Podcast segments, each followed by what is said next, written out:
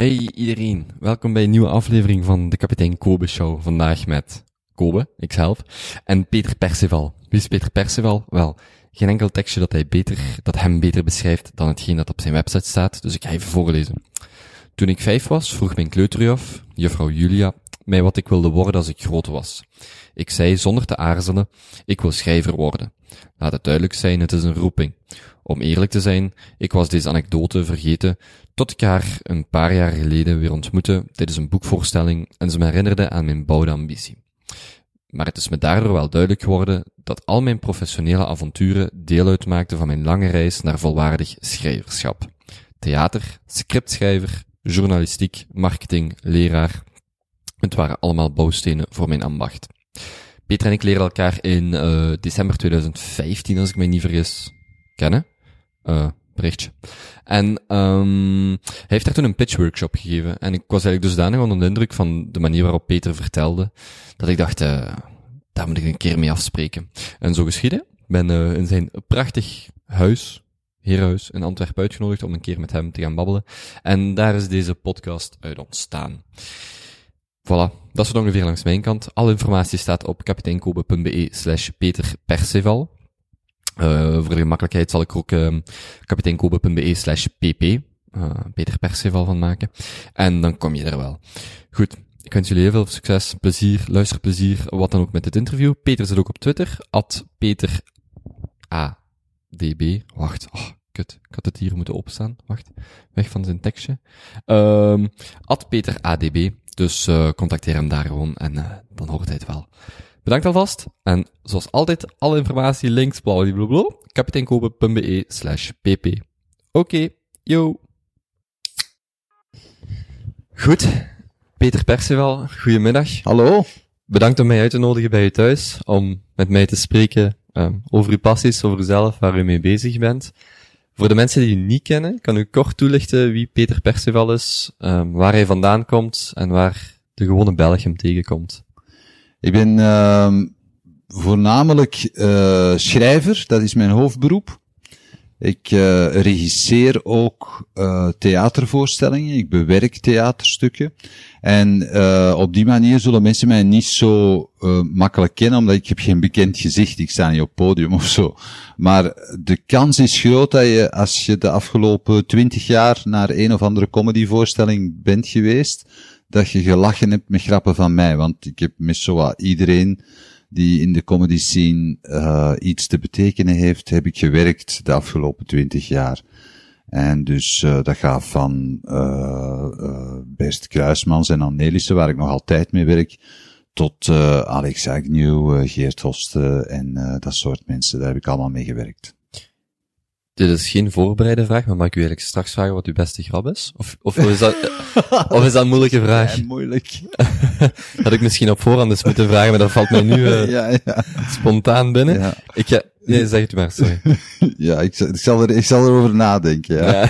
ja. um, wij zijn elkaar voor de allereerste keer in Hassel tegengekomen. U gaf daar een, een workshop rond pitchen pitch workshop. Ja. Um, ja, nu heeft daar dan in, in twee uur, denk ik, uh, een, een, een, cursus van een dag of meerdere dagen in, uh, in twee uur moeten stoppen. maar dat was wel enorm, voor mij toch uh, op dat moment enorm leerrijk. En Ja. een aangename kennismaking eigenlijk, om dan met u, met u in gesprek te gaan. Ik ga u vragen, waar, waar bent u eigenlijk opgegroeid? In Antwerpen ben ik opgegroeid. Ik ben geboren in Tongeren. maar ik heb daar nooit gewoond. Mijn familie kwam vandaar. Mijn familie is Limburgs. En uh, die uh, waren dan verhuisd naar Antwerpen en ben ik opgegroeid uh, in de buurt van Antwerpen, in Merksem. Daar ben ik altijd opgegroeid. Ik ben daar uh, naar school geweest, bij de Broeders van Liefde. En dan heb ik... Klinkt goed, ik weet niet of het ook goed was. nee. dus de Broeders van Liefde, die waren ook...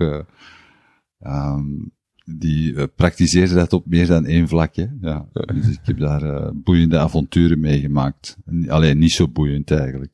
Een dag zat er uh, een broeder van liefde letterlijk in mijn broek. Dus ik heb daar... dat was ik een jaar of acht, denk ik, als dat gebeurde. en um, dus voilà, dan ken je al mijn groot jeugdtrauma. En voor de rest heb ik, ben ik naar de universiteit gegaan in Brussel, als ik gedaan had met mijn humaniora. En daar heb ik communicatiewetenschappen gestudeerd. Dan ben ik uh, vier jaar daar nog blijven hangen als assistent van Els Witte. En uh, ik heb daar geprobeerd om een doctoraat te maken, maar dat is niet gelukt, omdat ik toen ook uh, jong en zeer wild was. Als je daar op niks en trok. En uh, ondertussen was ik ook aan het schrijven al voor televisie en voor de radio. En dat was eigenlijk een, een, een zo goede bijverdienste dat ik het uh, academische milieu va uh, vaarwel heb gezegd. Toen niet in loondienst, als freelancer ook? Als freelancer, ja. Individuele ja. opdrachten? Ja, ja. Ja, en dan, daar bent u dan in doorgegroeid tot vandaag de dag. Bent u bedrijfsleider, inspiring speech. Ja. Um, waar u onder andere workshops, cursussen geeft. Juist. En mensen begeleidt. Ja. ja. Op uw website, en ik ga het even voorlezen, um, staat, toen ik vijf was, vroeg mijn kleuterjuf, juffrouw Julia, mij wat ik wilde worden als ik groot was. Ik zei zonder te aarzelen, ik wil schrijver worden. Laat het duidelijk zijn, het is een roeping. Om eerlijk te zijn, ik was deze anekdote vergeten, tot ik haar een paar jaar geleden weer ontmoette tijdens een boekvoorstelling en ze mij herinnerde aan mijn bouwde ambitie. Ja. Ik zelfs denken dat ik dat juist uitspreek. maar het is me daardoor wel duidelijk geworden dat al mijn professionele avonturen deel uitmaakten van mijn lange reis naar volwaardig schrijverschap. Theater, scriptschrijver, journalistiek, marketing, leraar, het waren allemaal bouwstenen voor mijn ambacht.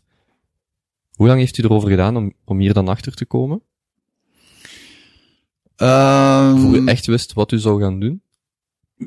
Ja, ik, ik wilde het altijd wel doen, maar ik bezag het nooit als een volwaardig beroep eigenlijk. Ik dacht, het is iets dat ik erbij moet doen. Ik moet ondertussen andere dingen doen die, wel, die mensen wel een serieus vak vinden. En ik dacht altijd, uh, ja, ik moet dan ondertussen, ik weet niet, wat heb ik allemaal gedaan? Ik heb journalistiek gedaan, ik heb research gedaan voor tv-programma's, ik heb... Uh, ik heb ja, inderdaad in de marketing gezeten. Ik heb uh, enquêtes ontworpen, media research gedaan. Allee, echt van alles en nog wat. Omdat ik dacht, het schrijverschap, dat is geen beroep.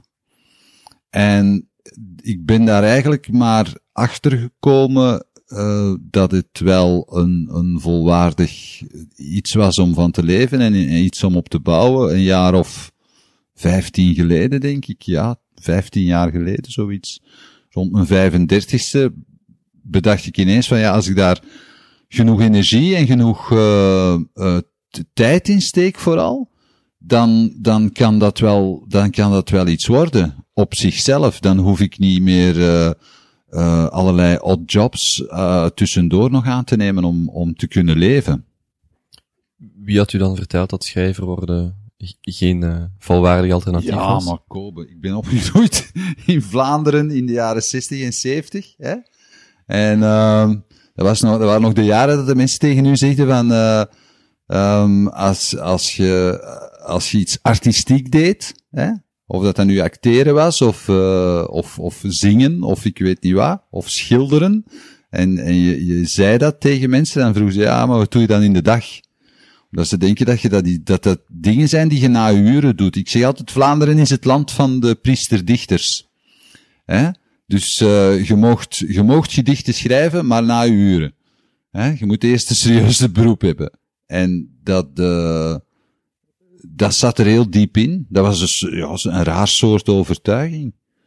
Dat heeft er ook mee te maken dat je dan, je staat er niet bij stil dat daar een verdienmodel aan zit. Tot ik echt uh, heel doorgedreven voor theater begon te schrijven. En merkte dat ik daar ook auteursrechten voor kreeg, bijvoorbeeld. En dacht van, ah. Dus voor de stukken die je voor anderen schreef. Ja. schreef. Uh, en dacht, dat, dacht ik van, ah ja, daar kun je dus, daar kun je dus ook een loon van bij vergaren.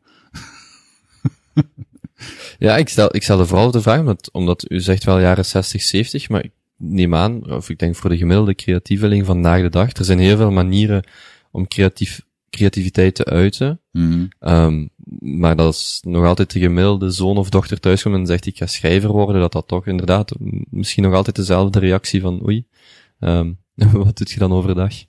Ja, maar er zijn veel meer kanalen. Hè. Ik denk dat dat het groot voordeel is. Dus de, zoals je voor de muziek uh, is internet een enorme doorbraak geweest, omdat mensen eigenlijk vrij makkelijk uh, dingen kunnen maken en die kunnen distribueren. En uh, dat is met schrijven ook zo, hè. En je moet maar zien naar wat je zelf doet, hè. Je, je, jij bereikt een publiek, met de dingen die je zelf maakt. Je, je maakt dat eigenlijk helemaal op je eentje. En, en je bereikt daar mensen mee. En, en dat, dat zou je, dat zou je 30 jaar geleden niet kunnen doen Ja. hebben, hè. Want dan zouden moeten, dan zou al een deal moeten hebben ergens mee. Of een, illegaal, of een illegaal radiozendertje. Ja, voilà, eh, zoiets, hè. Ehm, als iemand u vraagt wat eigenlijk uw job is, wat zegt u dan? Schrijver, dat zie ik wel altijd. Ja. Schrijver. ja. Als ze dan vragen van waar moet ik u kennen? Zegt, zegt u dan, ik heb vooral meegewerkt achter de coulissen, of, of zijn dat uw boeken waar u naar refereert? Boek?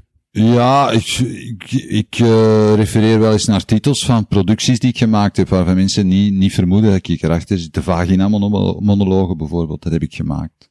En de penismonoloog? En de eh, penismonoloog heb ik ook gemaakt. En, en menopauzemonoloog en, en mannenmonoloog en dat soort dingen. Wel allemaal, dat zijn allemaal, dat zijn wel dingen die vrij veel mensen gezien hebben. Dus want in ja. 2016 eh, gaan die terug, of nog eens op tour?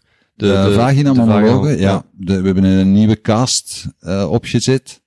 Dus ehm eh Charissa Parasiadis, eh, Slons die van ons is dat. En ehm eh Sandrine van Handenhoven en Nele Goossens, die toeren daarmee rond, ja. U was schrijver. ehm welke is uw belangrijkste karaktereigenschap? Wat maakt u anders dan, dan anderen? Ah, dat is moeilijk om te zeggen over jezelf, hè. Ik denk dat ik heel eh, veel, ehm dat ik eh, een enorme analyseerder ben. Dat ik heel graag analyseer en dat ik van daaruit, eh en ook vanuit mijn theaterwerk, heel goed eh mensen kan typeren. Ik denk dat dat mijn, mijn grote kracht is. Allee, dat is toch wat ik terugkrijg. Ik heb mijn, vorig jaar mijn eerste fictieroman eh alleen ge, ge, gepubliceerd. Want ik heb daarvoor heb ik biografieën in opdracht geschreven en zo. En, en, en boeken die afgeleiden waren van theaterproducties en zo. Maar eh ik ben eh vorig jaar alleen gedebuteerd met een, met een detective eh verhaal.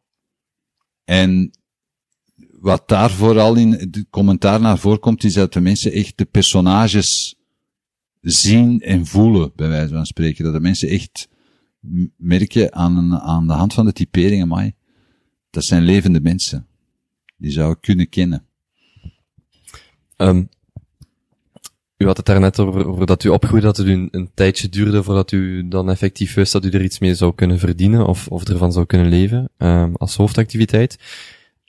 Als u daarop terugkijkt, waar heeft u dan het meeste geleerd, denkt u? Is er een periode in uw leven dat, dat u die knop heeft omgedraaid, of kunnen omdraaien, die ervoor gezorgd heeft dat u die knop kon omdraaien? Uh, dat is zonder twijfel het moment geweest dat ik mijn vrouw heb ontmoet eigenlijk. Wij werkten samen aan een televisieprogramma. Mijn vrouw, Annelissen. mijn vrouw is Annelissen, ja. Uh, wij werkten samen aan een televisieprogramma. Uh, Kriebels heette dat. Dat was op zondagavond op VTM. Er keken meer dan een miljoen mensen naar iedere zondagavond. Dus, en dat werd live gemaakt. Dus dat was, dat was wel wat druk elke week om dat te maken. Ik schreef daar eh sketches en, en grappen voor. En, um, dus je, je zat, als je dat maakte, zo'n seizoen, dat waren 13 weken aan een stuk, zat je met die hele ploeg echt in een tunnel. En mijn, ik heb mijn vrouw daar leren kennen. En zij was degene die tegen mij, die mij eigenlijk uitdaagde. Die zei van, ja, je moet, je- kan veel meer dan dat. Jij, jij schrijft echt heel goed. Waarom doe je dat niet? En dan had ik haar zo eens een paar dingen laten lezen die ik had geschreven. En ze vond dat enorm goed. En het toeval wou dat zij op dat moment in haar professionele werk in theater waar ze bezig was, dat ze daar heel ongelukkig was. En toen heb ik tegen haar gezegd van, ja, maar waarom vertel je dan niet je eigen verhalen? Want zij had altijd allerlei verhalen die ze wilde vertellen. En dan uh, zei ze van, ja, maar ik kan dat niet, ik kan dat niet alleen doen. Ik, uh, ik, ik weet niet hoe ik daaraan moet beginnen. En ik werkte op dat moment, um, uh, als vaste job dan, hè, want ik dat was nog in die periode dat ik allerlei jobs daarnaast deed. Ja, hoe oud was u toen? Uh, toen was ik bijna dertig. Toen werkte ik uh, in, het, in de kopergieterij in Gent. Ik was daar directeur van een kinderkunstencentrum. En ik moest daar voorstellingen programmeren. Dus ik had wel wat, ik had inzicht in de achterkant, in de economie van een theater, zal ik zeggen. Hè? En dat zag je dat, was, dat is vrij eenvoudig, de economie van theater. Hè? Dus je hebt een, je maakt een voorstelling, daar komen mensen naar kijken, die kopen tickets en die, betalen eigenlijk uw voorstelling. In theorie werkt het zo. En uh, ik heb toen tegen haar gezegd, zij was enorm populair, maar ze besefte dat eigenlijk niet. En ik heb toen tegen haar gezegd van, ja, maar jij beseft niet dat mensen voor jou naar het theater komen. Die komen niet voor de regisseur of voor het toneelstuk, die komen kijken naar jou, omdat ze jou willen zien. Omdat ze willen zien wat jij met dat stuk doet. Dus daar moeten je gebruik van maken. En dan zijn wij samen in een bootje gesprongen en zijn we beginnen roeien. En uh, zo, zo is dat eigenlijk, uh, dat is eigenlijk de knop geweest. Dat is eigenlijk het moment geweest dat ik die knop heb omgedraaid. Voor of nadat jullie dan een koppel waren? Jullie hebben eerst professioneel en dan Nee, zijn, dat is te samen gebeurd, ja. en dat is dan ondertussen bijna twintig jaar geleden? Of dat is meer dan twintig jaar geleden, hè. Dat was in uh, 96 zijn we samen begonnen. Ja. um, zou je zeggen dat humor in uw stukken uw specialiteit is? Ja, sowieso. Ja, ook in de serieuze dingen die ik maak, probeer altijd humor in te steken. De humor is een heel krachtig middel om mensen uh, dingen duidelijk te maken, om mensen, om ervoor te zorgen dat een boodschap ook binnendringt. Dat is ook de link die ik gemaakt heb na, na 15 jaar uh, heel intensief met theater bezig geweest te zijn, heb ik op een gegeven moment ben ik begonnen met op vraag van een specifiek bedrijf een, een cursus samen te stellen over hoe je met mensen in het bedrijfsleven kan communiceren. Met humor. Hè? En uh, daar is heel die, daar is heel die, die, die speech, um, uh, dat speech gegeven en die storytelling is daaruit gegroeid. Maar ik humor is, is een manier om mensen um, uh, tot inzicht te brengen, letterlijk. En mensen die geen humor verdragen, zijn gewoonlijk heel dogmatisch ingesteld. En die gaan, die uh, gaan zich afschermen voor humor, omdat ze bang hebben van nieuwe inzichten of te krijgen. Of dat is kritiek misschien op hun wereld. Ja, of dat is nee, misschien te ver geredeneerd. Ja, kritiek, alleszins, maar ze hebben er ook schrik van. Want als je, iets, als je iets grappig kan zeggen, dan is het meestal ook juist. Mm -hmm. hoe, hoe bouwt u humor dan eigenlijk in? Ja. Heeft u, heeft u een stuk en is humor een integraal deel daarvan? Vraag ik mij dan af, als iemand die daar niks van kent. Of u schrijft een stuk en dan denkt u, ah ja, nee, dit kan grappiger. Of hier kan een, kan een humoristische toon aangezet worden. Of, of hoe ziet zo'n proces eruit? Ja, dat is nogal moeilijk, omdat dat maakt deel uit van wie ik ben, hè. Of ja, bekijk het te analytisch en is dat voor u misschien niet zo niet zo op te delen. Jawel, want ik ben daar zelf ook heel analytisch in geworden, omdat je kunt dat niet doen zonder daar heel bewust mee om te gaan. Hè. Je, kunt, je kunt niet zomaar uh, humor blijven schrijven, dan, dan ga je heel rap gewoon moppetjes achter elkaar zetten die je kent. Hè. En dat is niet de bedoeling. Maar als ik daar bewust naar kijk, dan denk je dat het als volgt werkt. Uh, je hebt ideeën over thema's waar je over wilt vertellen, of over grote vraagstukken of grote onderwerpen waarvan je denkt van, tja, dat beweegt mij. Bijvoorbeeld, ik zal een voorbeeldje geven, hè, uh, het, uh, het verschil tussen mannen en vrouwen. Hè? Daar heb ik een stuk over gemaakt met mijn vrouw, de vorige monoloog die zij speelde, mannenmonoloog. Um, je kunt twee dingen doen. Je kunt daar algemeen uw ideeën of uw standpunten over beginnen verkondigen. Hè? En dan is dat gewoonlijk niet grappig. Want dan is dat, dan, dan zijn ze bezig met argumenten te smijten. Hè? Ik noem dat, ik noem dat, uh, de, ik noem dat pombakslingeren, noem ik dat. Pombakslingeren? ja, omdat dat is zo, dat, dat, dat hangt allemaal zo in de lucht. Dat is allemaal, dat is niet concreet. En daar ligt de sleutel. Vanaf dat je een vraagstuk concreet maakt, een thema concreet maakt, dan zit er altijd iets grappigs aan. Er zit iets absurds aan. Hè? Uh, het verschil tussen mannen en vrouwen, waarin wordt dat duidelijk? In de manier waarop mannen en vrouwen samenleven, koppels samenleven. Uh, en dan komt er bij heel concrete anekdotes terecht. En dan wordt het grappig. Het, het leven is grappig. Ik geloof niet, weet je, er is nu zo'n reeks op tv, ik weet niet of je dat mag zeggen. Zeg maar. Er er is zo'n reeks op tv, Koppers heet die. hè? Ik vind, ik vind Tony zijn boeken, dat is gebaseerd op de boeken van Tony Koppers. Ik vind die heel leuk om te lezen. Maar ik zag die reeks op tv. En ik dacht, maar dat is er zo naast. Die mensen praten allemaal zo. Het is de hele tijd, hè, praat hij zo. Ja. Heb je het gezien? Ja. Er is een, eh, er is een lijk gevallen. Oei. En waar was jij gisteren? Ik weet het niet meer. Ik ben het vergeten. Heb jij ergens mijn bil zien liggen? Ja. De hele tijd die, praten die zo tegen elkaar. En iedereen, he- heel die cast praat zo. Daar is geen sprankeltje eh, humor in, of geen sprankeltje ehm eh, wegnemen van een spanning ergens. Mensen leven niet zo. Als er iets heel erg gebeurt, dan gaan mensen altijd zoeken naar een manier om die spanning weg te nemen. En humor is dikwijls dat middel. Dus op die manier is humor voor mij overal aanwezig. Zelfs op de meest dramatische en treurige momenten. En als u, als u zo'n anekdote ziet, of, of u, u maakt iets mee, ehm zitten uw verhalen dan vol met anekdotes of afgeleiden van anekdotes, of verzint u een verhaal, of een verhaal valt u te binnen, en dan past u daar anekdotes binnen? Ik ben bijvoorbeeld voor mijzelf iemand die, die anekdotes verzamelt, maar om van mijn anekdotes een verhaal te schrijven, dat, dat kan ik niet, of, of op dit moment ook niet, dat vind ik heel moeilijk, omdat ik daar niet genoeg inspiratie voor heb, maar om, van, om in een bestaand verhaal een anekdote te steken, dat, dat vind ik persoonlijk dan veel gemakkelijker om een bepaald punt te maken, al dan niet. Ja, eh je mocht, eh, het is gewoon, het is vooral een kwestie van durven. Het is vooral een kwestie van durven. Het zijn jouw anekdotes, hè. het zijn jouw verhalen. Hè.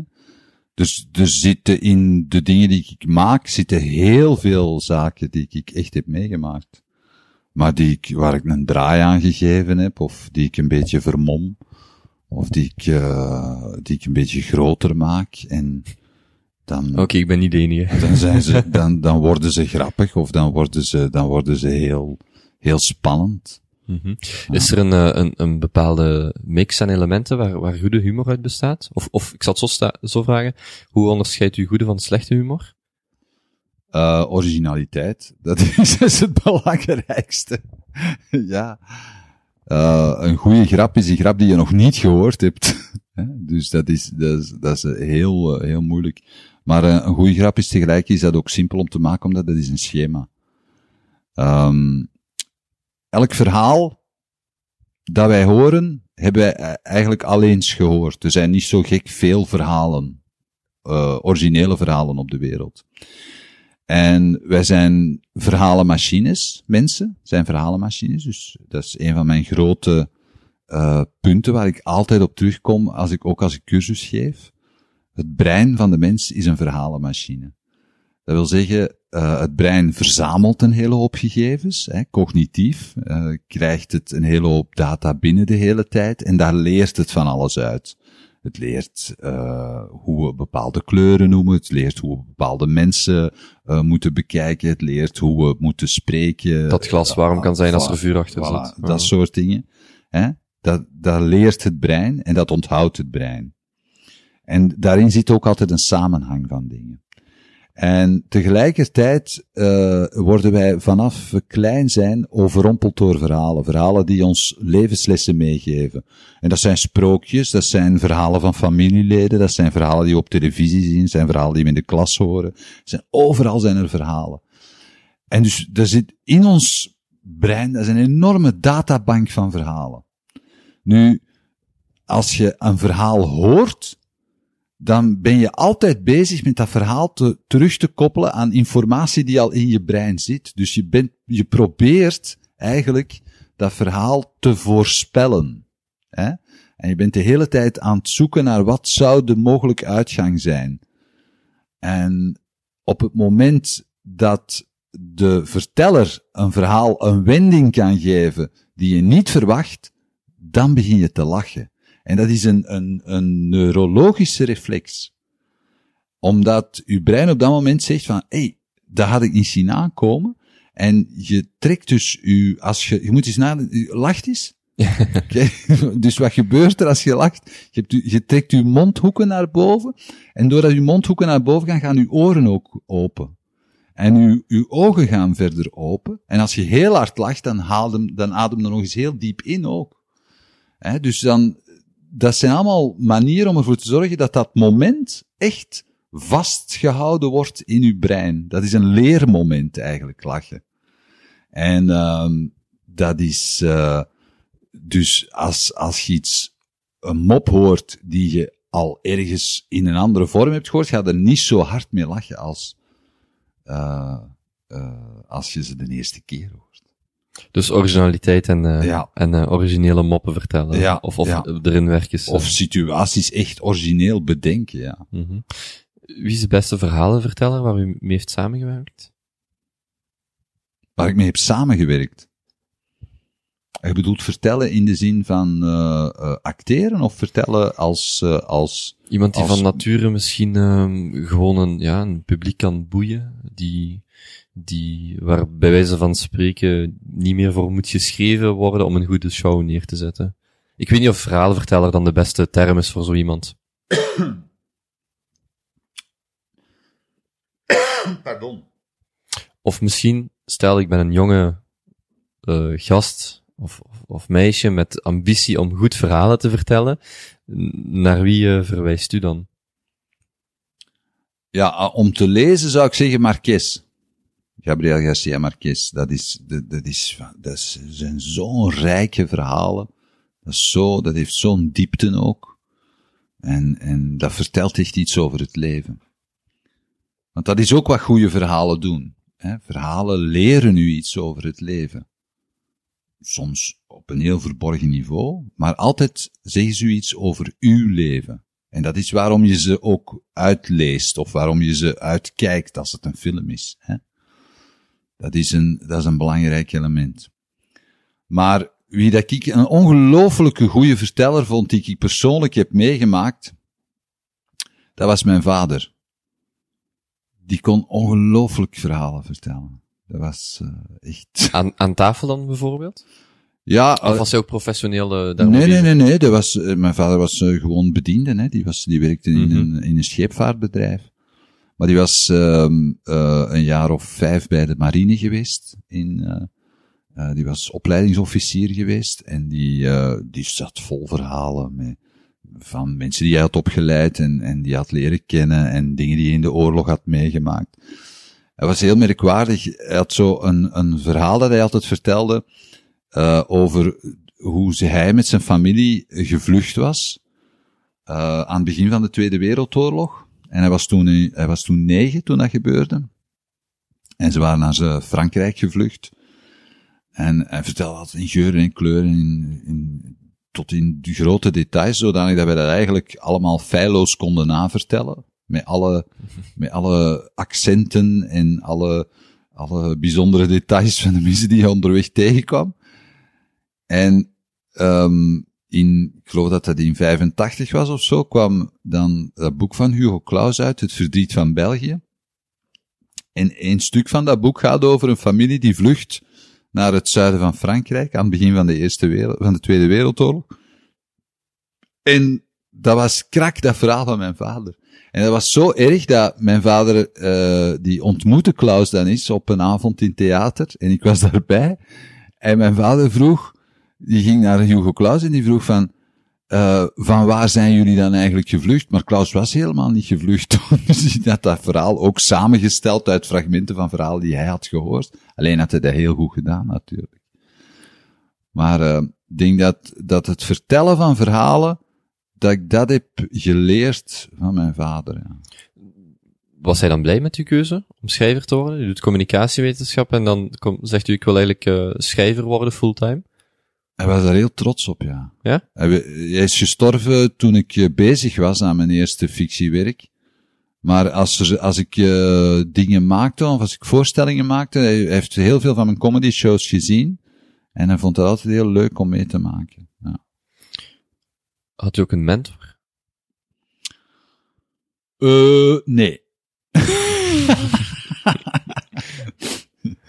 een mentor niet echt, nee. Ja, een hele goede partner, hè, mijn vrouw, maar Ja, en een goed vaderfiguur. ja, Ja. ja.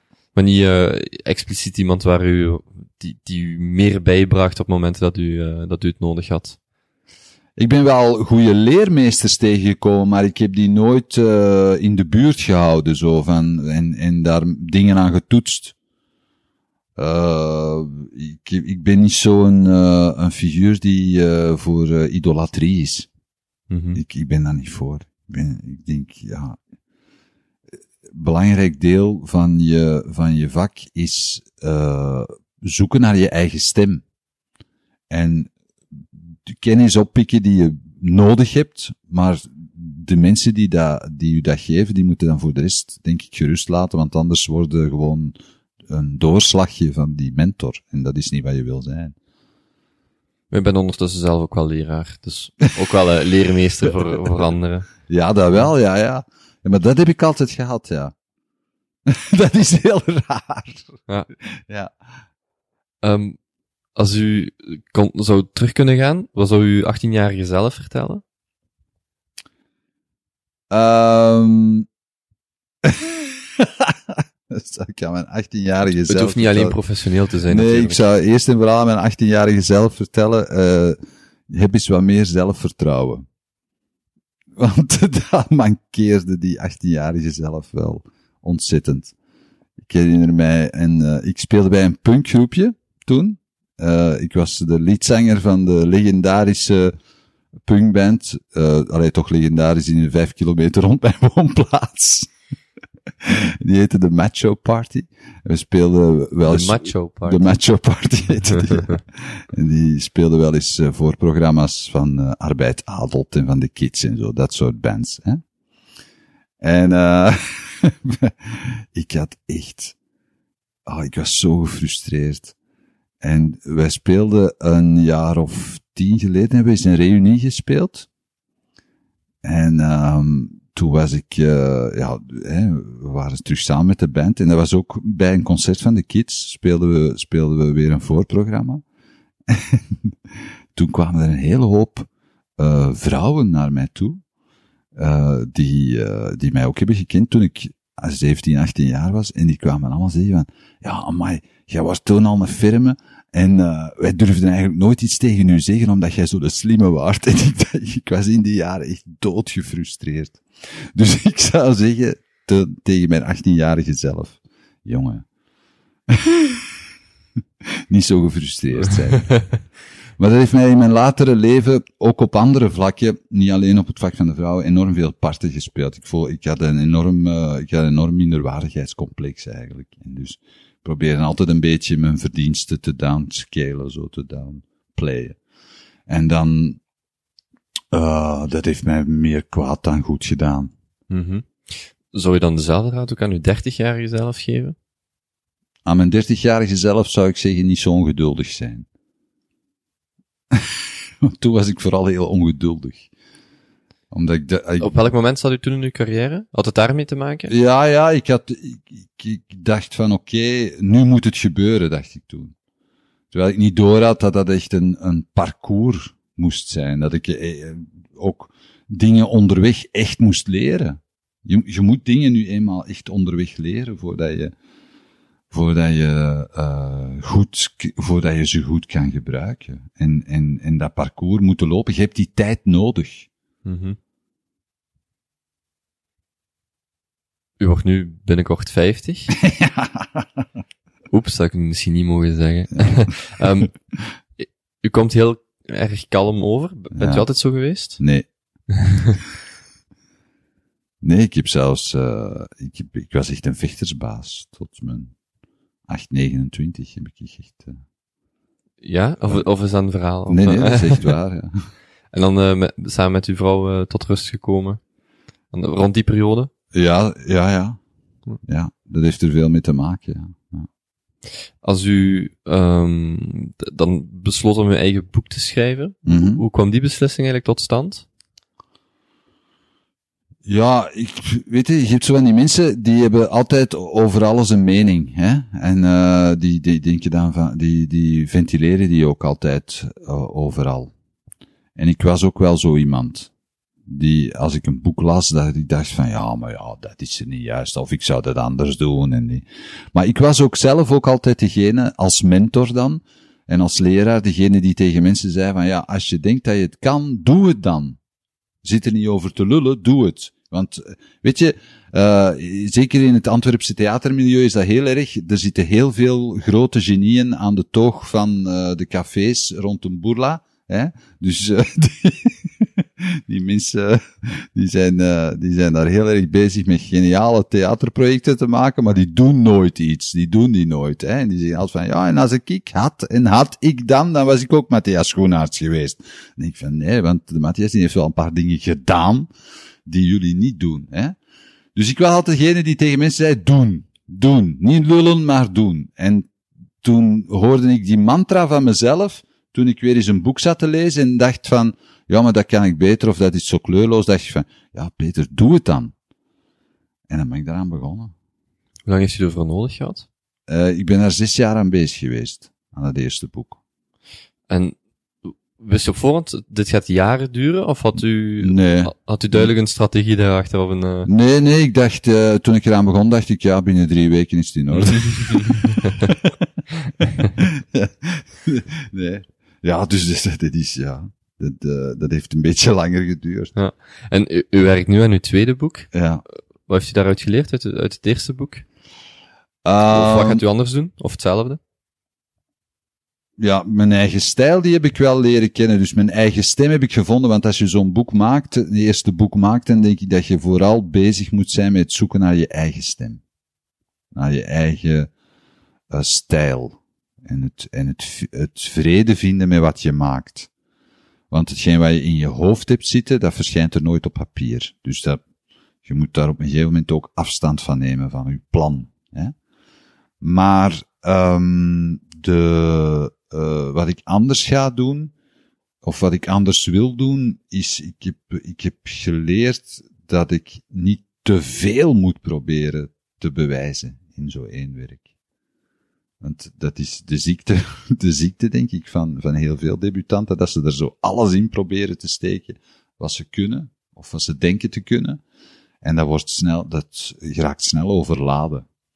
En dus, tweede... Had u dat gevoel bij het eerste boek? Achteraf? Dat er te veel in zat? Um, nee. Nee, maar ik heb die feedback wel gekregen. Ik heb, er is één criticus die dat expliciet geschreven heeft. En ik ben daarover beginnen nadenken. Ik snap waarom dat hij dat geschreven heeft. Ik vind de manier waarop hij het geschreven heeft, denk ik van, oh, dat is flauwekul. Maar um, dan heb ik het boek niet gelezen. Maar ik snap wel waarom dat dat zo is. En wat ik nu net zeg, dat is de reden. Dus die criticus had geschreven van ja, de, de, de, het verhaal is te breedlopend. Je, je kunt het nauwelijks bijhouden welke personages dat er allemaal nog bij komen. En ik dacht, ja, ik, heb die, ik had het gevoel dat ik die personages allemaal wel nodig had, wat ook zo was. Maar toen ik ging kijken naar waarom dat dat gebeurd was, besefte ik dat ik, dat ik heel veel dingen daarin wilde stoppen, zo bewijzen van, zie eens, deze wil ik ook nog en dat wil ik ook nog vertellen. Dat doet u in het tweede boek minder of anders? Niet meer. Meer? Nee, niet ah, meer. Ah, niet meer, oké, okay, volledig niet meer. Ik ga niks meer bewijzen. Nee. nee. Ja. U, u, u zei net dat u uh, uh, in de winterperiode naar het buitenland bent vertrokken, op, ja. op vakantie, uh, met uw vrouw, dat u daar heel wat heeft kunnen schrijven. Mm -hmm. um, hoe komt u in een creatieve flow of in een creatieve setting? Um, daar is een deel discipline en een deel luiheid. Dus dat is een rare optelsom. Ik wou net zeggen, die twee, die, die twee in één zin, dat komt ja, niet zo vaak zo. voor. Ja, maar je moet aan de ene kant de luiheid, dat is, je moet u, je moet u helemaal leeg kunnen maken. Je moet u, je, kun, je moet zo het dagelijkse leven en allerlei verplichtingen, dat moet je uh, wegschuiven. Dat moet je kunnen deleten, eigenlijk. Je hoofd moet, moet leeg geraken. Daarom zeggen ook zoveel mensen van, ja, ik kan alleen maar schrijven op vakantie. Dat, dat heb ik gelukkig niet. Hè? Um, maar um, dat is een kwestie van, van dat te doen, van u echt van een knop om te zetten. En te zeggen, nu ga ik dat doen. En mij daarin verliezen. Dat is dan de discipline. Dat is de discipline. Ja. En ehm die discipline, die, ga- dat gaat makkelijker op, op, op zo'n locatie, omdat je zit, je zit op hotel en uw eten wordt gemaakt. En eh, je moet niet nadenken over eh, wanneer moeten mijn kleren gewassen worden, of hoe moet ik mijn kamer opruimen, of eh, wat ga ik doen. Nee, ik heb dan ook altijd een heel strakke dagindeling. Dus ik ben 's morgens, als ik opsta, dan doe ik een uurtje yoga en dan ga ik, eh eh, dan ga ik ontbijten en dan ga ik lopen, lange afstanden lopen. En dan, eh eh als ik zo een uur of twee gelopen heb, dan neem ik een douche Echt lange afstanden. Ja. ja. en dan ga ik schrijven. Ja. En, en uw vrouw?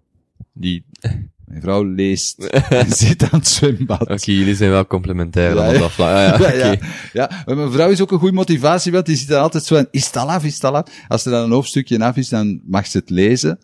En dan uh, zit zij ook altijd achter mijn veren, omdat ze wil weten hoe het afloopt. En heeft u dan een, een uh, minimum aantal pagina's, of, of is het gewoon wanneer u er goesting in hebt, als u dan één keer bezig bent? Nee, dan probeer ik elke dag te schrijven en ik probeer elke dag op voorhand uit te plannen wat voor een scène ik ga schrijven en welke plaats die heeft in het verhaal. Dat probeer ik wel op voorhand te, te bekijken, ja. En dan schrijf, werkt u scène per scène Ja. af. Ja. Ja. zo. Is dat veranderd, uw manier van schrijven, ten opzichte van uw eerste boek? Ja, zeker. Het eerste boek is veel, is, is zeker de eerste paar jaren, dat is heel organisch gegroeid. Hè. Ik, ik had zo, de eerste gulp had ik eens geschreven toen ik uh, uh, in Thailand zat, geloof ik. Uh, en ja, dat was in Thailand. Dus heb, heb, Uh, 20 pagina's, 50? Oh. 50, Ah, ja, 50 oké. waren dat Ja. dus. Hè?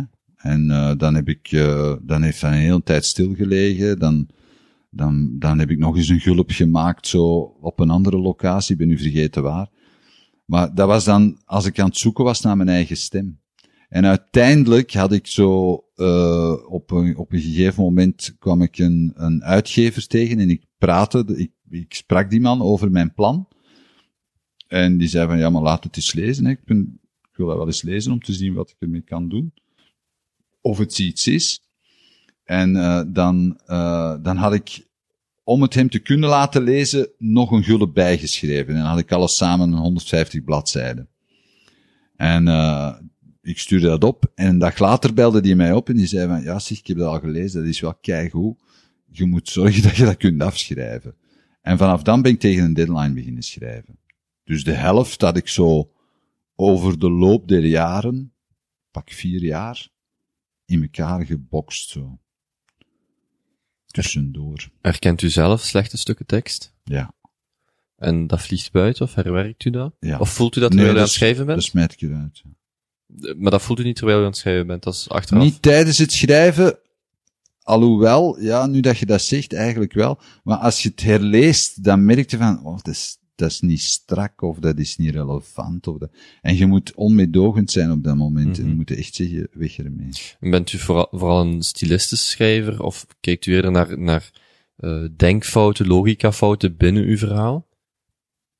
Het een gaan is zonder het ander, hè. Je, ik hou, ik hou heel erg van taal, dus ik, ik kijk ook wel naar hoe dingen beschreven worden.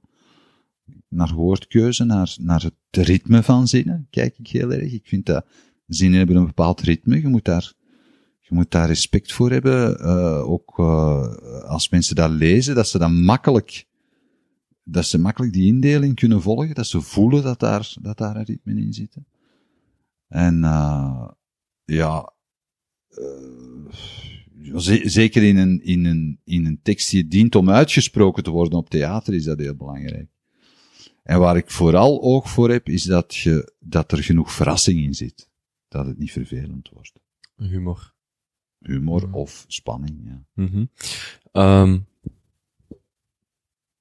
wat vindt u het belangrijkste als u terugkijkt op uw werk? Iets waar u, waar u specifiek fier op bent?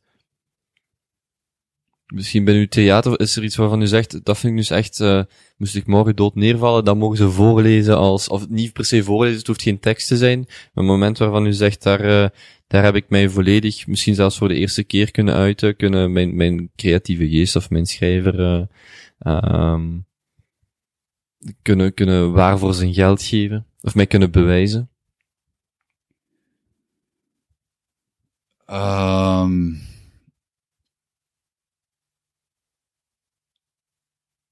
zijn twee dingen eigenlijk. Het eerste is, um, uh, ik heb eens een bewerking gemaakt van een Frans theaterstuk uh, Andromaque van uh, Racine. Dus een Franse 16e eeuwse schrijver.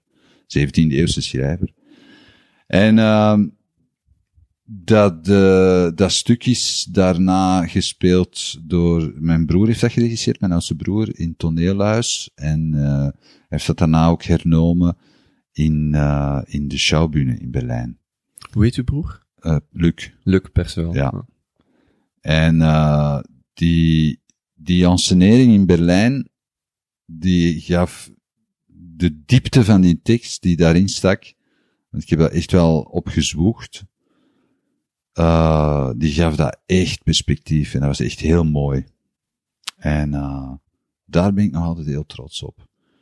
En het tweede is eigenlijk, iets heel raar, als ik comedyvoorstellingen maak, ik ga heel dikwijls mee, omdat ik die zelf ook produceer.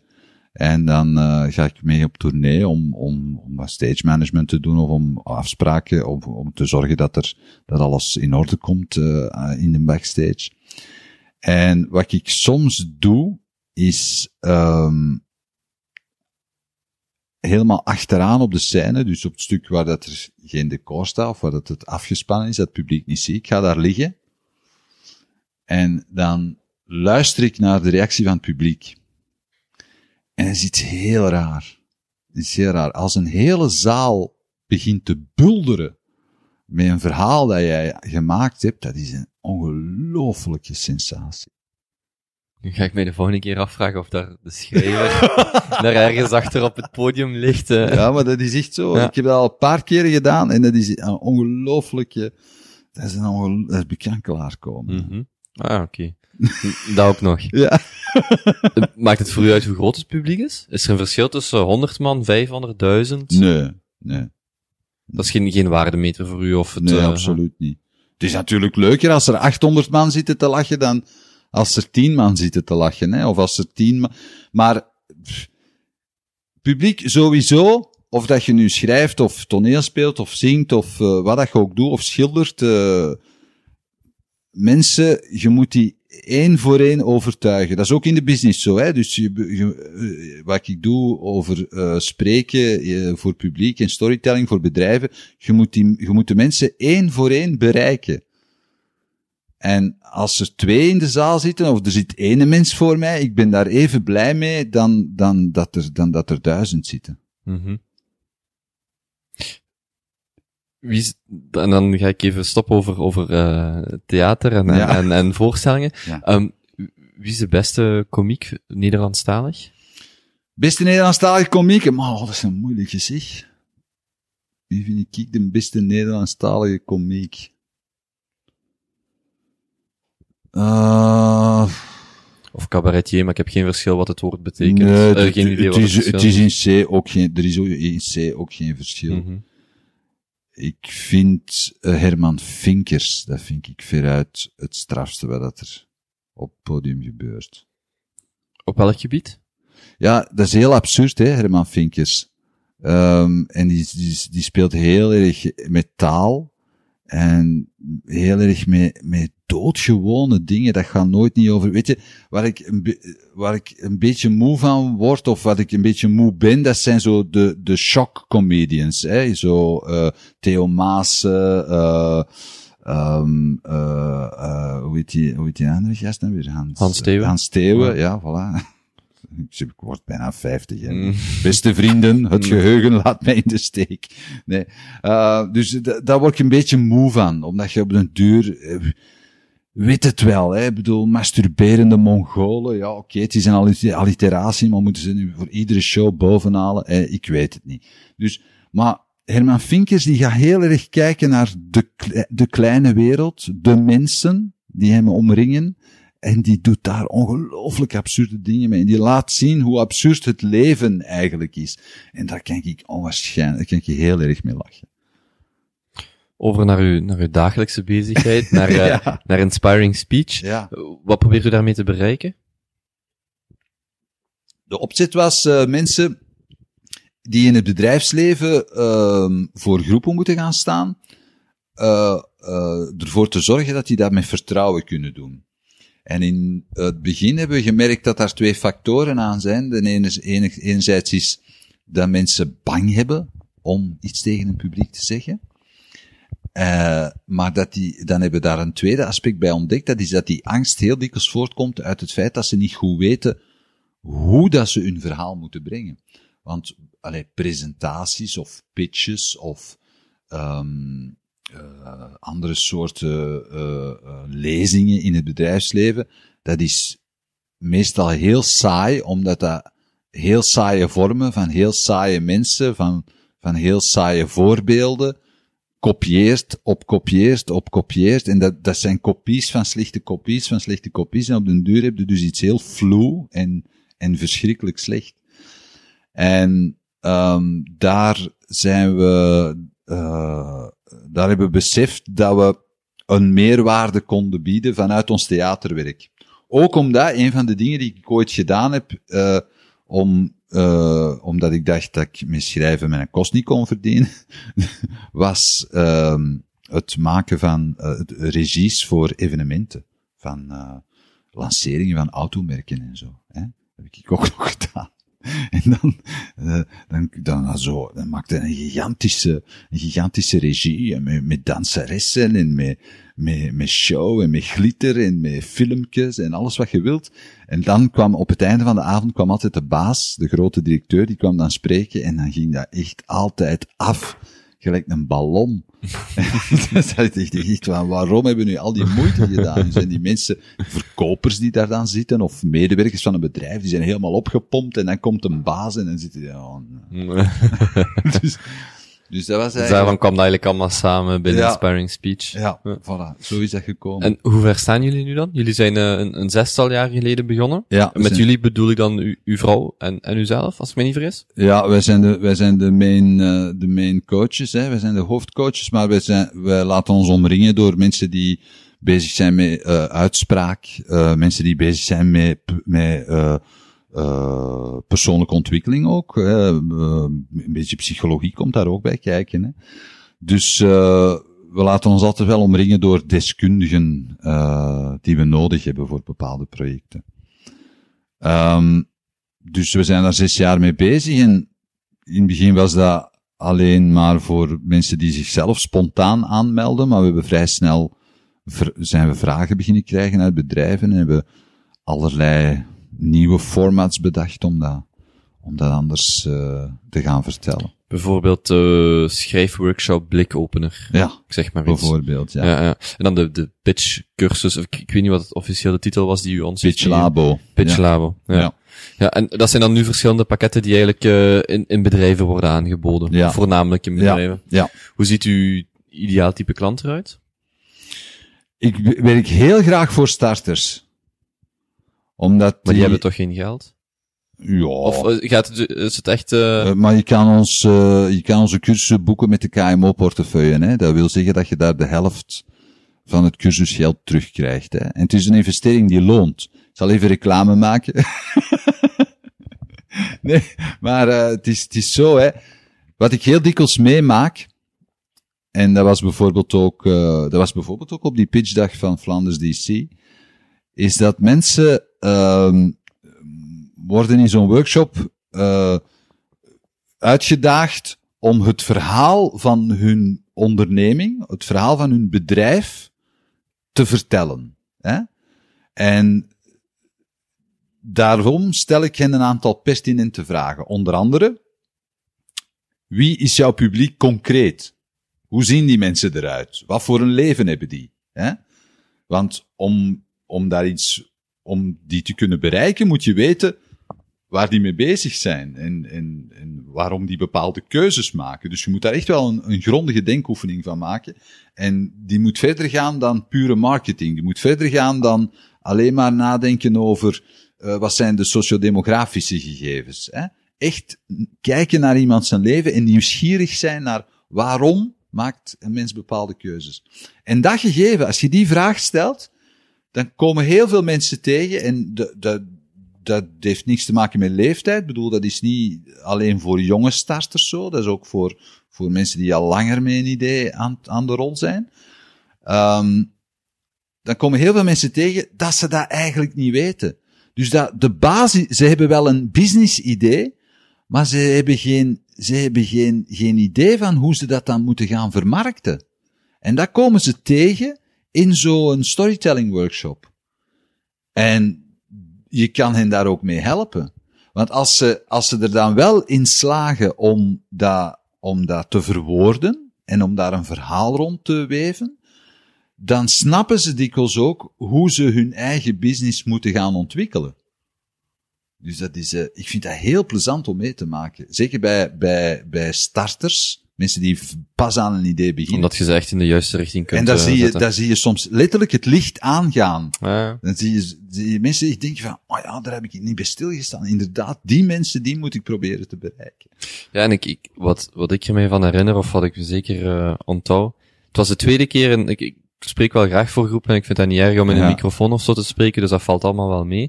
Maar het was de tweede keer in mijn leven dat ik echt uh, stond te zweten, en de- we zaten maar met een groepje van acht man, denk ik, of negen man, ik weet ja. het niet. Um, gewoon omdat die vragen gesteld werden, omdat bijna niemand of niemand van heel de groep eigenlijk wist wat, wat de antwoorden waren. Ja. En je moest ze dan maar gaan presenteren. Dat waren mensen die, en, en daar, daar, ik was zelfs nog, denk ik, de jongste, als Ja. ik me niet vergis. Ook mensen van ve- veertigers, vijftigers, Ja. um, die gewoon helemaal, uh, ja, door de grond leken te zakken van, van stress, van bezwijk. Ik, ik was blij dat ik als laatste aan de beurt uh, kon of mocht, dus dat viel wel wat mee. Maar uh, dat was inderdaad heel, um, ja, heel to the is- point. Het is geen examen, hè. Ik zeg dat ook altijd tegen de mensen. Het is hier niet voor punten. Het is niet voor punten. Dit is een manier. Als jij zelf het verhaal van je bedrijf niet kan vertellen, hoe zou je dan willen dat andere mensen het snappen en dat ze de beslissing gaan nemen van, ah, met die mensen ga ik in zee. Maar dat was wel heel confronterend toen, want Ja. iedereen die daar zit, zat, of niemand van degenen die daar zaten, kon echt gewoon een verhaal vertellen. Hè? Want het, we moesten dat in twee of drie minuten doen, als ik mij niet vergis. Ja, maar dat was nu echt ook En wel dat was ook een wel natuurlijk- enorme uitdaging. Ja, dat was wel- dat was wel de- nu niet, ik, ik had niet verwacht dat daar echt geniale stoten gingen uitkomen. Nee, inderdaad. Het was natuurlijk wel een, een cursus echt Ja. in, in twee uurtjes samengepropt. Dus dat is natuurlijk moeilijk om, om echt Mhm. daar concrete dingen uit te halen. Maar eh mensen die, waarmee, waarmee je kunt spreken, en, en het lijkt alsof ze het volgende wereld eh schokkende ideeën hebben. Maar eigenlijk als ze dan zoiets doen, merk je dat ze, en dat geldt ook voor mijzelf op dat moment, totaal eigenlijk geen idee hebben hoe ze dan eigenlijk al die ideeën in vijf vlotte zinnen kunnen verwoorden. Wat Ja. absoluut, eh ja, wat eigenlijk zot is als je erover nadenkt, maar inderdaad, eh, Dat is Belangrijk. natuurlijk, het is confronterend, hè, als je tegen mensen zegt, ehm kijk, iedereen die een business idee heeft, en die, die een beetje verstand heeft van ondernemen, die zal heel snel verliefd worden op dat idee. Om twee redenen. Eén, het is zijn idee, of haar idee. En twee, het is, het is iets, het is iets anders. Het is iets nieuws om te doen. Dus, dat, dat appelleert. Dat maakt dat je daar verliefd op wordt. Nu, uh, als iemand dan komt en u uitdaagt en zegt van ja, maar nu moet jij dat zo uitleggen dat ook andere mensen daar verliefd op kunnen worden, dan zeg je eigenlijk tegen mensen, denk nu eens na over wat uw idee betekent voor anderen. En dat is echt een moeilijke oefening, hè? Dus dat is niet zo evident om te doen in twee uurtjes, zeker niet in twee uurtjes van toen bij uh, Flanders DC. Maar uh, het is wel heel leuk om te zien, om mensen bezig daarmee te zien en om ook, uh, hen, om ook te zien hoe wrangen vallen.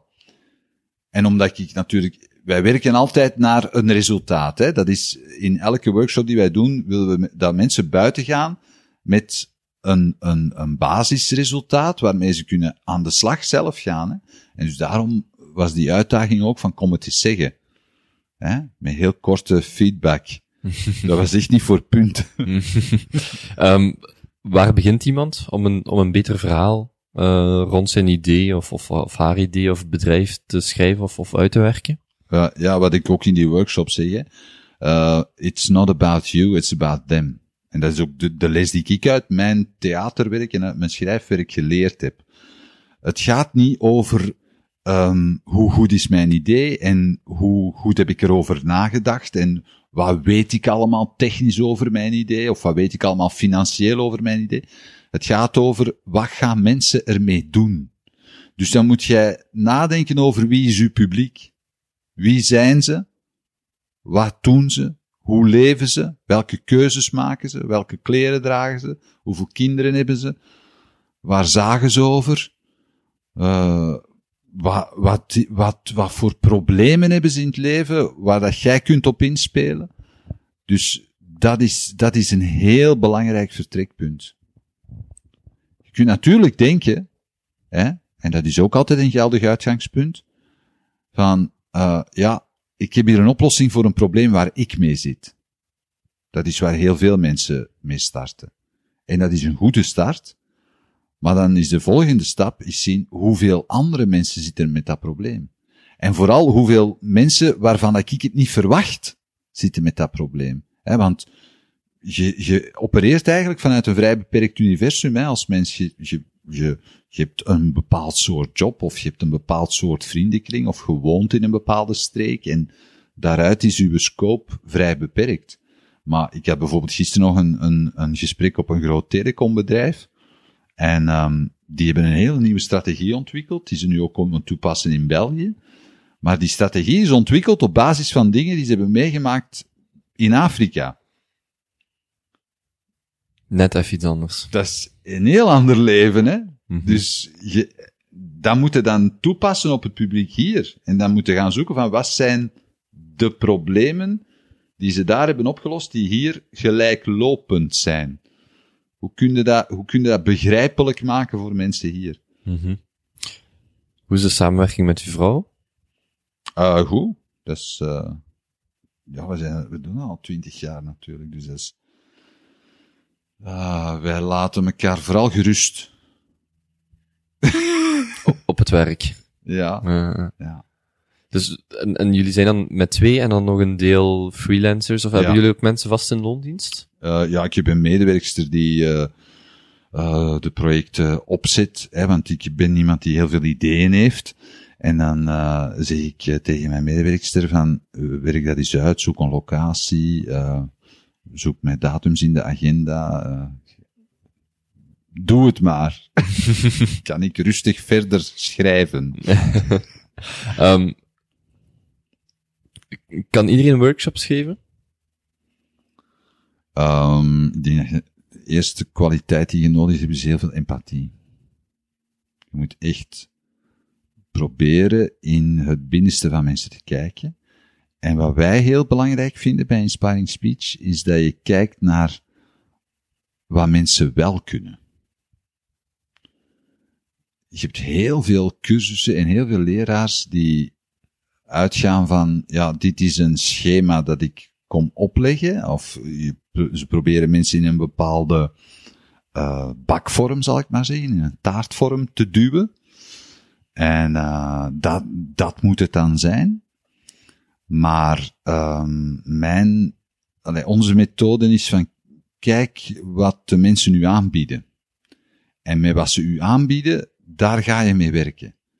En wat er niet is, dat, daar discussieer je niet meer over. Je gaat gewoon zorgen dat mensen versterkt worden op de goede punten die ze al hebben. In plaats van dat je gaat zeggen van, dat moeten afleren of zo moeten doen. En dat geeft, wij leren mensen dingen bij in zelfvertrouwen, eerst en vooral. Dus dat, dat, ze, dat, dat ze weten van, ah, um, de manier waarop ik ben is niet per se verkeerd. Want dat is het grote, het grote probleem waarmee mensen voor groepen staan en zo. En als ze moeten, moeten spreken in bedrijven, is dat ze heel snel denken van oei oei. En nu gaan ze weer zien dat ik een rode neus heb, of dat ik uh, haar uit mijn oren heb groeien, of weet ik veel dus dan gaan ze, dan worden ze daardoor afgeleid. En, en wij, wij leren mensen dan van, kijk, dat is nu wie jij bent, hè. Rode neus en haar uit uw oren. Dat is, dat is mooi aan u. Ik, uh, ik wil u nog een aantal snelle vragen stellen, Ja. maar daarvoor, um, is er iets wat ik ben vergeten te vragen over Inspiring Speech? Iets wat u, misschien een, een, verborgen... Nee, voor we begonnen zei je van, we gaan het over storytelling hebben. En daar hebben we het eigenlijk verrassend weinig over gehad.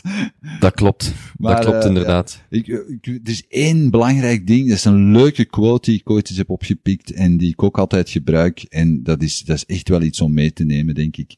En uh, die mensen bij wijze van spreken als uh, spreuk boven hun bed kunnen hangen of op hun Facebook kunnen zetten. Een goed verhaal, hè? A good story is a well-told promise. Als, als je wilt dat mensen geïnteresseerd zijn in uw verhaal, moet je ze de indruk geven dat er voor hen iets in zit, een belofte in zit, die jij kunt inlossen. En dat heeft niet zozeer te maken met materiële behoeften of met uh, een, een, een, materieel voordeel of zo. Hè. Dat is niet zo plat als what's in it for you. Dat kan evengoed een, een beloning zijn op, op intellectueel vlak of dat mensen uh, de oplossing van een vraagstuk krijgen of zo. Dus dat het werk een beloning is voor de lezer in dit geval? Ja, ja dat de lezer aan het einde iets bijleert over zichzelf. Wat is uw tweede favoriete citaat? uh, mijn tweede favoriete, tweede favoriete citaat. Nee, nee dat, was, dat is er eentje zo. Ja. Als u, ja, ik heb u toch vragen, karaktereigenschappen van elke goede storyteller? Uh, empathie, enthousiasme en uh, mededogen. Over alle disciplines heen. Geschreven ja. tekst, gespeeld. Ja. Uh, ja. ja. Wat was uw grootste werkpunt dan? Uh, enthousiasme. U lijkt toch enthousiast van, van nature? Nu wel, ja. Je had mij 15 jaar geleden moeten zien. Dat is echt een, een, een uh, werkpunt geweest? Ja, ik was daar te verlegen voor. Ik was enorm verlegen. Ik ben nog verlegen eigenlijk, maar zoals in het Frans zeggen, je me soigne. Je suis timide, mais je me soigne. Dat is mijn tweede favoriet. en, hoe, hoe kijkt u dan nu naar de toekomst? Uh, vol verwachting. Klopt mijn haartje. Nee, ja, vol verwachting, ja. Ik ben, ik ben echt benieuwd. Er staat, er staat nog zoveel op het programma dat ik echt denk van, oh my, het gaat spannend worden. Het zal leuk zijn. U wordt ook 50 dit jaar? Ja. Kijkt u daar met uh, veel verwachting naar uit? Of is dat, is dat een, een, een, iets waar u eerder van, na, van naartoe leeft als, als uh, van weg leeft? Van die leeftijd? Ik ben er eigenlijk niet mee bezig, je. Ik, ik, um, ik scheel elf jaar met mijn vrouw. Zij is ou, ouder dan ik. En dus ik heb het bij haar al eens meegemaakt, zo die grenzen allemaal die overschreden worden. En ik zeg dat zij daar enorm veel moeite mee had. Maar dan hebben we daar onderweg ook al veel over gepraat. En uh, ik merk dat nu zelf ook. Allee, ik merk dat in het verleden ook al van. Ik ben wel 50, maar ik voel mij helemaal niet zo. Allee, ja, dat klinkt nu al een verschrikkelijk cliché, maar ik heb niet het. Voor mij lijkt het alsof ik nog maar pas 18 ben geweest, bij wijze van spreken. En het is niet dat ik nu zo met een, met een motorfiets achter de jonge vrouwen ga gaan zitten. Niet op die manier. Maar de leeftijd stemt niet overeen met wat ik mentaal in mijn hoofd heb. U bent jonger mentaal, voor alle duidelijkheid. Oh, maar dat is echt, dat zijn echt platitudes. Gruwelijk. um, wat was de grootste fout die u nog heeft kunnen bijsturen op tijd?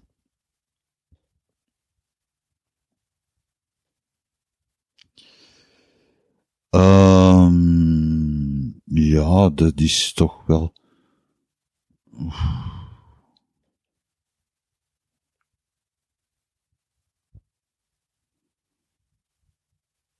Kunnen we er ook op terugkomen? Ja, ik ga even me, ik moet er even over nadenken over hoe dat ik het formuleer. Ah. Wacht, hè, ik ga, ik ga even.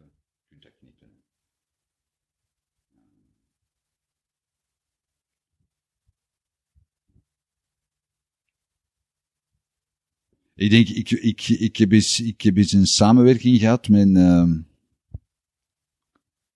nou, ik moet het anders vertellen. Er was een, uh, er was een periode in mijn leven dat ik heel erg eager was om nieuwe mensen uh, te lanceren. Om, om nieuwe mensen op het podium te zetten en om die kansen te geven en om, om ervoor te zorgen dat die, dat die avondvullende shows hadden en dat die konden rondtoeren. En ben ik heel intensief mee bezig geweest een bepaalde periode van mijn leven. En um, ik heb daar een aantal keren hetzelfde mee meegemaakt. Is te zeggen, ik merkte dat die mensen daar een, verkeerd soort ambitie in hadden. Dus die dachten dat ze meteen rijk en beroemd gingen worden, dat ik een soort toverstaf bij had, waarmee ik ze dan kon een pot vol goud toveren, bij wijze van spreken. En um, ik ben blij dat ik daar op tijd mee gestopt ben. Ik was daar twee jaar, drie, ik ben daar drie jaar mee bezig geweest en toen dacht ik van nee, komt niet goed. Dat hadden ze ook bewust door op dat moment dan. Ja. ja. Hoe oud was u toen? Uh, dat was in 2008, 2009, dus dan was 42 ja. of zo. Ja, want u, ik probeer uw carrière zo'n beetje chronologisch op te bouwen, achteraf ja. gezien. Ja. ja. Um, ik wil u uh, uh, ja, nog een paar snelle vragen stellen, die, die ook, ook wel aansluiten bij uw vak. Ja. Denk ik. Ik ga eerst bij deze beginnen. Wie zou u nog willen ontmoeten?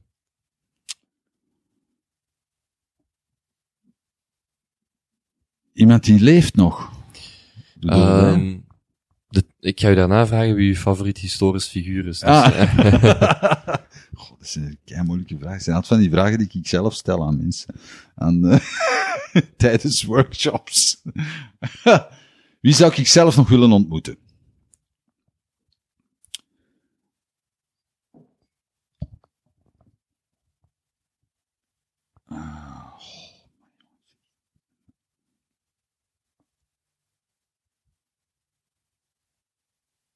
Joe Nisbo. Voor de mensen die hem niet kennen. Joe Nisbo is een Noorse thriller-auteur. Um, heeft uh, een, een heel goede reeks geschreven, dus een reeks boeken geschreven. Hij heeft toen ook een, een tv-reeks bedacht. Um, en die wordt uitgezonden op Canvas, denk ik, ja. Uh, Occupied is, hè. Van John Nisbo. Hij is een, een, een enorm, uh, een enorm goede thriller-auteur. En ex-profvoetballer. Het is een heel rare combinatie, die mens. Maar die schrijft ontzettend goed. Heeft u de serie al gezien? Uh, ja. Is ja. de serie, waar zou je mee beginnen? De boek of de serie? Nee, nee, het is een, uh, uh, dus Occupied is een reeks die hij niet in boekvorm geschreven heeft. Ah, dus hij heeft echt als origineel als tv-reeks be begonnen. Gaat over de Russische bezetting van Noorwegen. Ik heb de, de serie opgenomen en één dag uitgekeken. Ja. En die namen ze niet bij blijven hangen, dus ik zou eigenlijk uh, beter ja, moeten opletten. John Nisbo is okay. de bedenker ja, daarvan, ja. Uh -huh. ja. Die zou je graag ontmoeten nog? Ja, ja. Historisch figuur? Uh...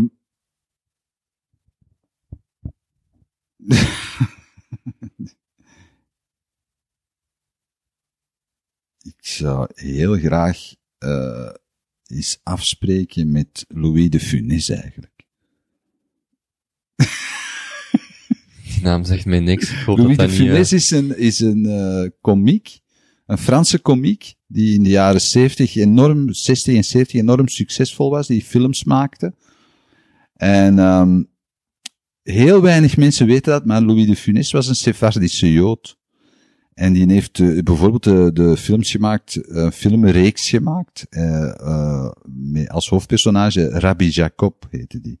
En dat gaat dus over de orthodoxe Joden in Parijs. En dat is hilarisch. Maar die man, dat was een ongelooflijke professional op het vlak van humor. En nog van het oude ambacht zo. zo die lag eigenlijk tussen Charlie Chaplin en Monty Python. En dat is een, een ongelooflijk fascinerende personage. Is zijn werk nog ergens beschikbaar? Ja, ja, die films, die films kun je zien. Ja. Er zijn heel, heel onnozele films bij. Zo, hij heeft zo'n reeks gemaakt, ook Les Gendarmes de Saint-Tropez. Dat zijn echt onnozele films. Zo van die, van die, van die screwball-comedies. Maar eh, hij heeft ook een paar echt hele goede... eh eh, hij heeft ook een Molière verfilmd, bijvoorbeeld. En allee, dus, dat was echt wel een vakman. Die, die speelde nog zo comedy op de millimeter. Het is te zeggen, die, er komen, in sommige van die films komen scènes die echt gechoreografeerd zijn, dat je denkt van, what the fuck, dat is maar allemaal zonder trucage gedaan. Nee, nu ben ik benieuwd. Ja. Ja. Ehm, wat kan de gemiddelde leerkracht van u leren? Van mij leren. Ik hoop dat ze van mij zouden kunnen leren hoe dat ze hun kennis zo kunnen inkleden in een verhaal dat hun leerlingen die voor eeuwig in drie dagen meedragen. Goede leraars zijn goede verhalenvertellers. Kijk naar de, heb daar, heb daar niet zo leraars waar dat je zelf nog dingen van onthouden hebt? Dat is aan de hand van de verhalen die ze hebben verteld. Ja, eerste leerjaar geschiedenis, en dat was gewoon omdat hij zo verhaal over de Romeinen dan, denk ik, op dat moment eh, Ja. vertelde, ja, inderdaad. Ja. En dat is, dat is, als je zo kunt lesgeven, zelfs als het over aardrijkskunde of wiskunde gaat. Ik had in, in de middelbare school, ik zat in de wetenschappelijke A, ik had tien uur wiskunde. En ik had een leerkracht wiskunde. Ik kon niks van wiskunde, maar ik had een leerkracht en die bracht dat enorm entertainment en daarom deed ik dat graag. En, maar ik kon er niks van, hè, maar die, die kon dat enorm goed vertellen over zo, hoe die stellingen tot stand waren gekomen en wat nu precies de natuurlijke getallen waren en zo. Die, vond, die kon daar fantastisch over vertellen. Heeft u nog een andere expertise waar de wereld niks van weet? Eh, de andere expertise waar de wereld niks van weet. Ik ben een heel groot eh, liefhebber van complottheorieën. ja, dat is Wat wordt ons voorgelogen? voorgelogen. Nee, het is iets dat heel... eh, Ik ben gespecialiseerd in dingen die, eh, die blijkbaar onzichtbaar zijn voor veel mensen. Ik zal een voorbeeldje geven. Een van mijn favoriete complottheorieën aan de wereld openbaar maken. U2, de groep U2, hè? dat is volgens mij echt waar een machinatie van de CIA als die groep al niet bedacht is door de Amerikaanse geheime dienst, dan zijn ze toch heel snel daardoor gerecupereerd. En ik zal staven waarom ik dat zeg. Uh, U2, de originele naam, hè, U2, dat komt van een spionagevliegtuig. Hè. Dat is dus een, een, een, een, uh, een incident geweest ooit met een spionagevliegtuig in de jaren 50. Uh, dat is neergehaald boven Russisch grondgebied. En dat was een U2. Hè. Dus die groep, die Ierse groep, op het moment dat die, dat die in Ierland groot werden, is ook het, het moment geweest dat in Ierland in volle hevigheid de strijd met de IRA en het Britse leger bezig was. En de, op een gegeven moment, in de ontwikkeling van die groep van U2, werden die, die, dat was een, een, een klein groepje eigenlijk, want ik heb nog geweten, ik was er niet bij, maar ik heb het wel geweten dat die in, de, in 82 of zo kwamen die optreden in, in Brussel, in de Beurschouwburg. En dan moesten ze daar de kreuners als voorprogramma bij zetten, omdat er anders geen volk kwam. Hè? Dus, dat dus die waren wel, die bestonden, maar... De, en dan een jaar of anderhalf jaar later waren die ineens mega in Amerika. En niemand begreep waarvan dat kwam. En die hadden dan, die hadden ook, uh, dat was, uh, op dat moment hebben die die, die, um, die, die LP gemaakt, live at, hoe heet dat, zo'n een openluchttheater. Met, en daar is ook een video van gemaakt. Een van de eerste live video van U2 in zo'n openluchttheater was met zo'n enorme grote vuren die daar gestookt werden. Dus daar was ineens rond die groep was een enorme machine gebouwd met promo en video's die werden opgenomen en op de wereld werden losgelaten. En ineens was dat mega U2. Van de ene moment op de andere. En dan hebben die in hun carrière een aantal rare dingen gedaan. Hè? Bijvoorbeeld. zie, zie, je begint het al te geloven. Hè? Vertel maar. Bijvoorbeeld, um, toen de oorlog bezig was in Kosovo, hè, uh, en in, uh, in ex-Jugoslavië, in de jaren 90, stonden die opeens, gingen die een concert doen in Sarajevo. Zo gezegd voor de vrede. Nu was Sarajevo op dat moment een belegerde stad. Wat is U2 gaan doen? Die zijn daar met uh, een vliegtuig vol materiaal naartoe gegaan. En wat is er een betere dekmantel om daar van alles binnen te smokkelen dan een vliegtuig vol muziekmateriaal? Hè? Want wat is er daarna gebeurd in Sarajevo? Heel die oorlog is in elkaar gezakt, omdat uh, diegenen die geen wapens hadden, die hadden ineens wel wapens. Waar kwamen die wapens vandaan? Hè? dus de, de, machtsverhoudingen waren een beetje omgedraaid. Dat is punt 1. Punt 2. Toen uh, uiteindelijk uh, de, de uh, hoe heet hem, Salman Rushdie, hè? die kreeg toch een fatwa van, van Khomeini op zijn oren vanwege de duivelsvers. Dat was in 89 of zo. Hè? En Salman Rushdie moest dus bewaakt worden dag en nacht. En dan is hij op een gegeven moment is hij ondergedoken. En weet jij waar dat hij tien jaar ondergedoken heeft gezeten? Helaas. In het huis van Bono in Ierland. Heeft hij ondergedoken gezeten. Waarom daar? Het was niet dat dat zo'n geweldig goede vrienden waren daarvoor. Ik bedoel, die is daar geplaatst. Hè? Duidelijk.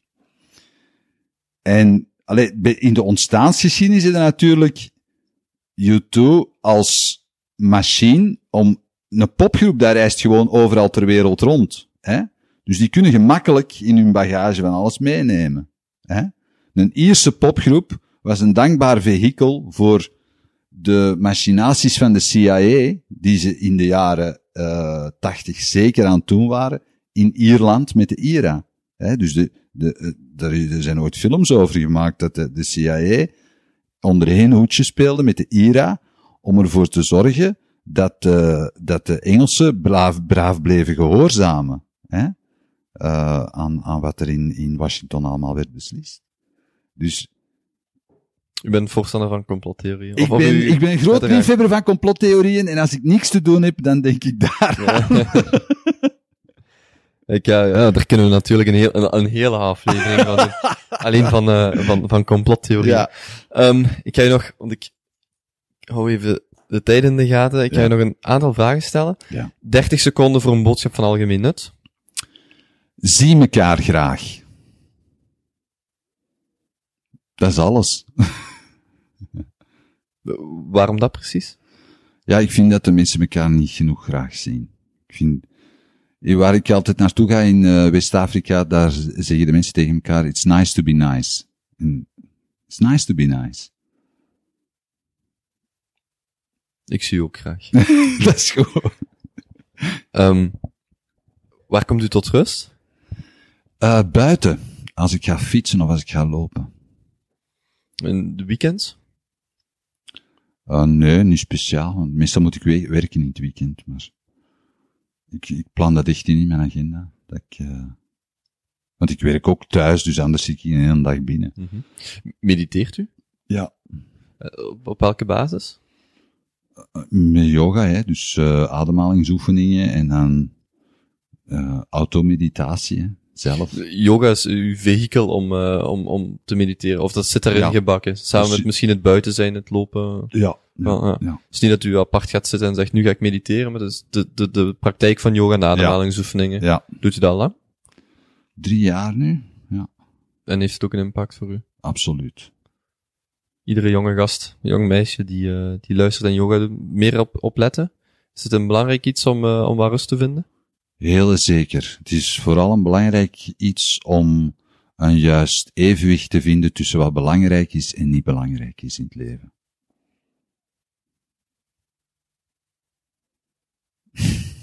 Dat klinkt heel guru-achtig. Nee, ja, nee, nee, ik was, uh, een, voor een vervolgvraag aan het denken. Nee, maar dat is iets wat inderdaad waar, uh, waar vaak de, de connotatie van het klinkt goeroachtig of zoiets dergelijks ja. bij komt ge, gesloten, maar er zijn meer en meer mensen die, die mij zoiets of iets soortgelijks vertellen. Dus ja. ja. vandaar. Um, voorlaatste vraag. Stel, u heeft morgen geen netwerk, mensen herkennen u niet, hmm. uh, heeft geen werk, niks. Wat doet u om uh, zo snel mogelijk terug wat geld in het laadje te verdienen? Ik ga op de hoek van te starten. Ik ja, ik ga op de hoek van de straat op een uh, op een op een bak bier staan of op een lege op, op een lege uh, zeepdoos staan en ik vertel een verhaal. Het verdienmodel? Dat is heel simpel, hè. Ik zet me een hoed voor de voor de zeepkist en ze, mensen zullen wel betalen. Niks online of zo? Je zou niet. Uh, ja. Ja, maar je zegt, ik heb geen netwerk. Uh, pak je 500 euro voor uh, nog in uw, in uw tas? Gaat u echt voor de, de, de offline, voor de uh, communicatie met ja, de mensen ga, op straat? Of, ik ga voor live, ja. Ja. ja.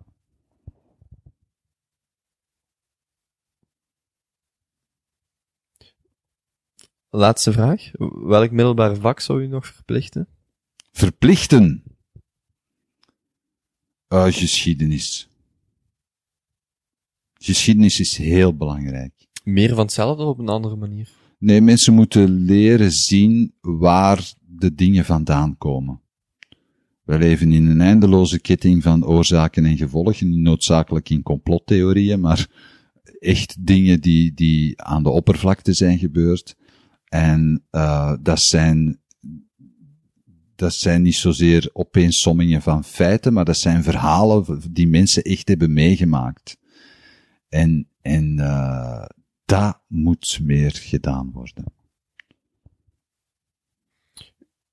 Was ik verplicht zei. Moest het niet verplicht zijn? Zou iets anders uh, aanpassen? Ik zou het onderwijs afschaffen eigenlijk. Daar ben ik al lang mee bezig. voor middelbare studenten of voor ja. degene na een middelbaar? Nee, ja, voor iedereen. En, en, ik vind het onderwijs een voorbijgestreefd model. Ja. Uh, door wat zou het u verplaatsen? Ja, ik, ik ben een hele grote believer in online uh, uh, onderwijs. Natuurlijk, het moet beschikbaar zijn voor iedereen, hè. Dat is een groot punt, hè. Maar uh, ik denk dat we de mensen meer gaan helpen met hen zelf te laten kiezen uit content wat ze willen leren of wat, ze, wat hen interesseert, dan dat we ze, dat we, dat we wat dat Ken Robinson noemt, de grote internationale pedagogie-specialist, uh, dat we dat, uh, fabriekjes maken waarin we mensen van een bepaald bouwjaar uitsturen met allemaal dezelfde kennis. Dat is flauwekul. Dat gaat veranderen in de toekomst. Ik ben zeker van. Dat is al bezig, hè? Is al bezig. Je hebt in Amerika heb de Khan Academy, hè? dat is Mhm. volop bezig. Maar ook voor middelbare studenten? Want ik weet niet in hoeverre dat daar met, Khan met homeschooling, hoe dat, dat dan juist zit. Uh, Khan Academy, dat is in lagere scholen, hè? Mhm. Dus die krijgen wel een, een pakket, maar die, die, dat tempo, waar dat die mensen dat in leren, dat hangt heel erg af van, van, uh, van hoe dat zij zelf snel kunnen leren. Hè? En ik denk, uh, leraars worden nu in dat model van de Khan Academy, die worden heel erg een soort uh, managers van hun, van hun klas. Hè? Dus die, die gaan kijken van wie is er goed in wat en hoe zet ik die samen met mensen die daar minder goed in zijn. Maar die gaan niet zelf meer zeggen van nu moet je dat gedaan hebben. Voor mensen die meer over u willen weten, die u willen contacteren, um, waar vinden mensen u online? Ik heb mijn website zelf, peterpesteval.com. Daar uh, staat alles op wat je kan uh, weten. Uh, allee, waar, waar, waar andere linken ook zijn naar, mijn, naar de website van Inspiring Speech en naar de website van mijn theaterwerk en zo. Als u nog een, een oproep mag doen of iets vragen aan iedereen die er naar luistert, deelt u nog iets? Wel ja, uh, als je dat enorm goed idee hebt, waar je, waar je heel enthousiast over wordt, niet over lullen, doen. Niet blijven zitten, gewoon doen. En ook als het niet lukt, ga je er iets van leren. dan ga ik u hartelijk bedanken bij deze, Peter, Graag gedaan. voor uw vrije tijd. En dan eh, wens ik u nog heel veel succes. En, eh, ja. Jij ook? en dan, eh, ja, tot in de toekomst, ongetwijfeld. Ik hoop het. Prima, dank u wel. Dag.